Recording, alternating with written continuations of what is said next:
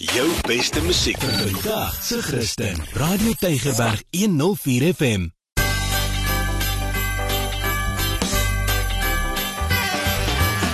Alles wat lekker is op Tygerberg 104 FM met Ingrid Venter en Annelie de Pre. Baie hartlik welkom by vandag se aflewering van Alles wat lekker is. Dit is vir ons so lekker om vir jou te vertel wat daar alles in die Kaap en die omgewing is wat jy kan gaan doen en kan geniet. Ingrid, dit is my altyd so wonderlik hoe mense net deur 'n restaurant of 'n plek eintlik kan voel jy was in 'n ander land. En jy was nou eendag, was dit Mexiko mm -hmm. en nou hoor ek iets van Rusland. Mm ek luister. Hoorie, nee, ek was in Rusland absoluut, maar kom ek gee nou net eers 'n bietjie agtergrond want hierdie Rusland is eintlik daar op die Bottlerypad. Die plaas se naam is Hazendal, dis daar naby Kousrivier se golfbaan. En daai plaas is gekoop in 1994 deur Dr. Mark Voloshin. Nou mooi reg sê hy se Rus uit die aard van die saak, hy woon ook in Rusland, sy kinders bly hier. Die plaas is oud, gebou in 1699.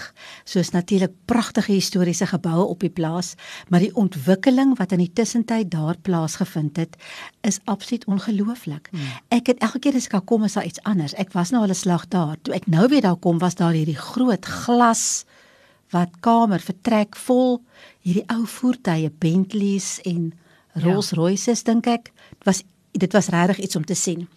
En uh en daar's natuurlik wonderlike goed vir die kinders as restaurante. Jy was ook al daar. Vertel. Ek was ook al daar gewees. Nou sit ek probeer nou heeltyd dink wat is die naam van daai Russiese poppies? Want daar's 'n spesifieke naam. Popushkas is dit nie? O, oh, there we go. Ek het geweet jy gaan weet.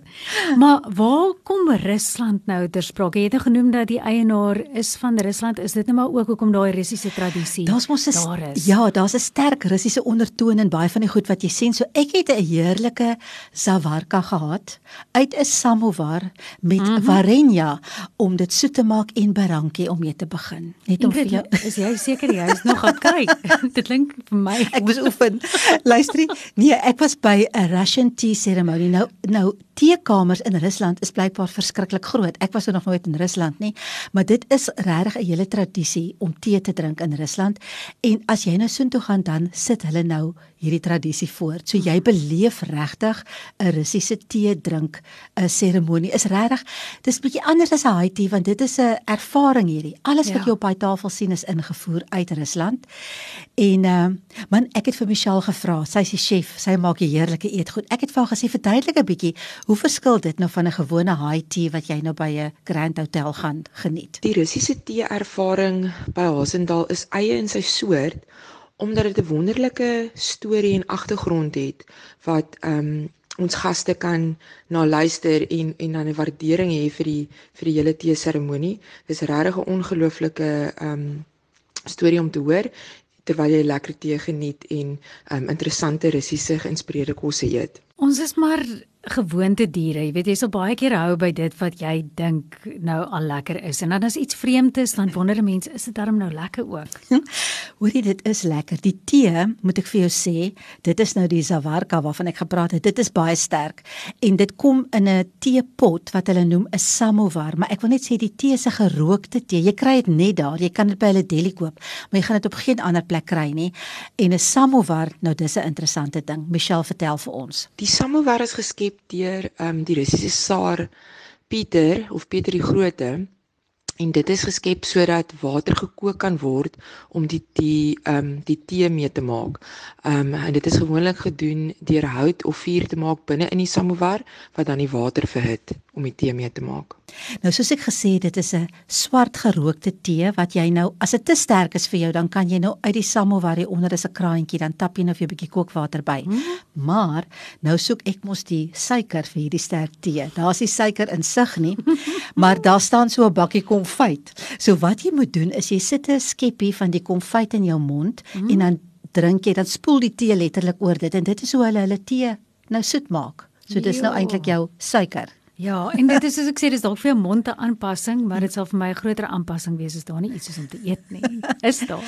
daar is fantastiese eetgoed om jy te begin as hulle nou die samovar daar neersit wat nou eintlik mos nou die teepot is, dan's daar so 'n rooi lint en aan die rooi lint hang 'n ronde goed wat op die oog af amper nou vir my soos donuts gelyk het, kleintjies, mm -hmm. maar dit is nie want hulle is hulle is amper soos 'n ietsamor koekie, wil ek amper sê, die, jy weet, so saggerig, so jy breek dit af.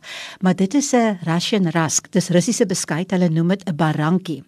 Maar daar's ander heerlike heerlike eetgoed ook. Michelle moet vertel want sy was immers die chef. Die eienaar Dr. Mark Wallishin en sy familie het met ons baie gehelp met familieresepte en idees en ons het natuurlik daai idees gevat en dit 'n kontemporêre um wil ek amper sê twist gegee om hierdie interessante eetgoed op die bord voor te berei en vir mense net 'n klein idee smaakie te gee van wat um 'n Russiese familie sal eet tydens teetyd alhoewel dit ons lekker Suid-Afrikaanse bestanddele ook bevat. Ek het ook vir Michelle gevra wat was haar gunsteling want dit was absoluut myne ook en dis wat sy sê. Ek het 'n ongelooflike soetant.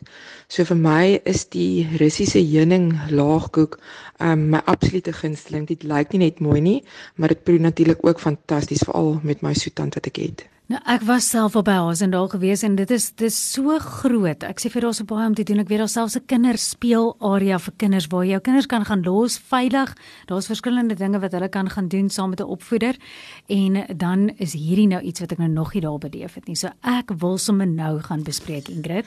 Weet jy, ek wil regtig sê dit is so 'n ervaring en 'n belewenis en die wonderlike ding daarvan is die kelners is so entoesiasties nê en hulle ken die goed se name en hulle kan vir jou verduidelik hulle vat jou deur die hele ervaring en dit maak dit nou baie lekker want as iemand nou vir jou kan verduidelik wat jy sien en wat jy eet en dan is dit mos nou lekker. Hmm. So as jy regtig iets wil beleef of jy wil iemand nou regtig treat met iets baie spesiaal dan gaan doen jy definitief dit daar by Hasendal.